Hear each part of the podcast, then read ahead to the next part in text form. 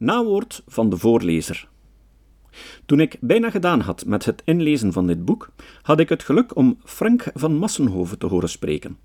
Frank van Massenhoven is voorzitter van de Belgische Federale Overheidsdienst Sociale Zaken en werd ooit verkozen tot manager van het jaar.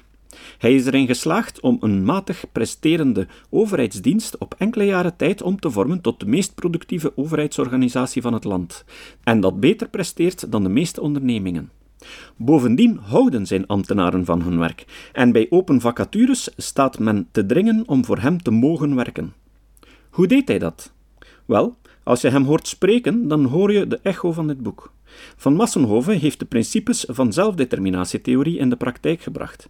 Hij heeft bewezen dat je zelfs bij een saaie overheidsdienst een SEMCO-model kan implementeren en ervoor zorgen dat werknemers van hun werk houden.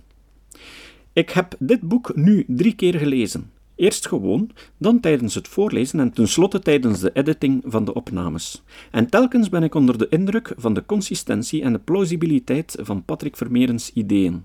Dit boek heeft me veel van mijn vooringenomenheden doen herzien.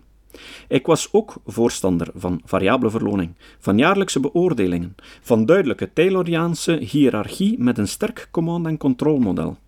Ik was overtuigd dat er een war on talent was, maar Patrick Vermeeren leerde me nadenken over zelfdeterminatietheorie, over wetenschappelijk onderbouwde modellen en om kritisch te zijn voor wat managementgoeroes je zonder argumentatie wijsmaken.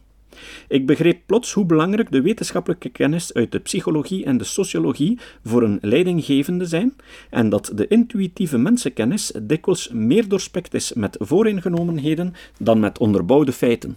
Ik leerde dat er veel meer wetenschappelijk onderbouwde kennis over leiderschap bestaat dan ik ooit vermoed had. Ik geraakte geobsedeerd door deze, voor mij, nieuwe inzichten en begon verder in die literatuur te duiken. Onder andere de Progress Principle van Amabile, de Halo-effect van Rosenzweig en Hard Facts, Dangerous Half-Truths en Total Nonsense van Pfeffer en Sutton. Ik zou tenslotte nog Bram Minnaert willen bedanken, die deze tekst heeft proefgelezen en de nodige commentaar gaf om het perfect te laten zijn. Mocht dit smaken naar meer, dan raad ik u aan om de website evidencebasedhr.be van Patrick Vermeeren te bezoeken. Of naar mijn podcast over kritisch denken te luisteren, waarin ook regelmatig dit soort onderwerpen aan bod komen. Dat vindt u op kritischdenken.info. Ten slotte raad ik u natuurlijk aan om ook de andere twee boeken van Vermeeren te lezen: Rond leiderschap en de Hagerballon, 10 praktijken doorprikt.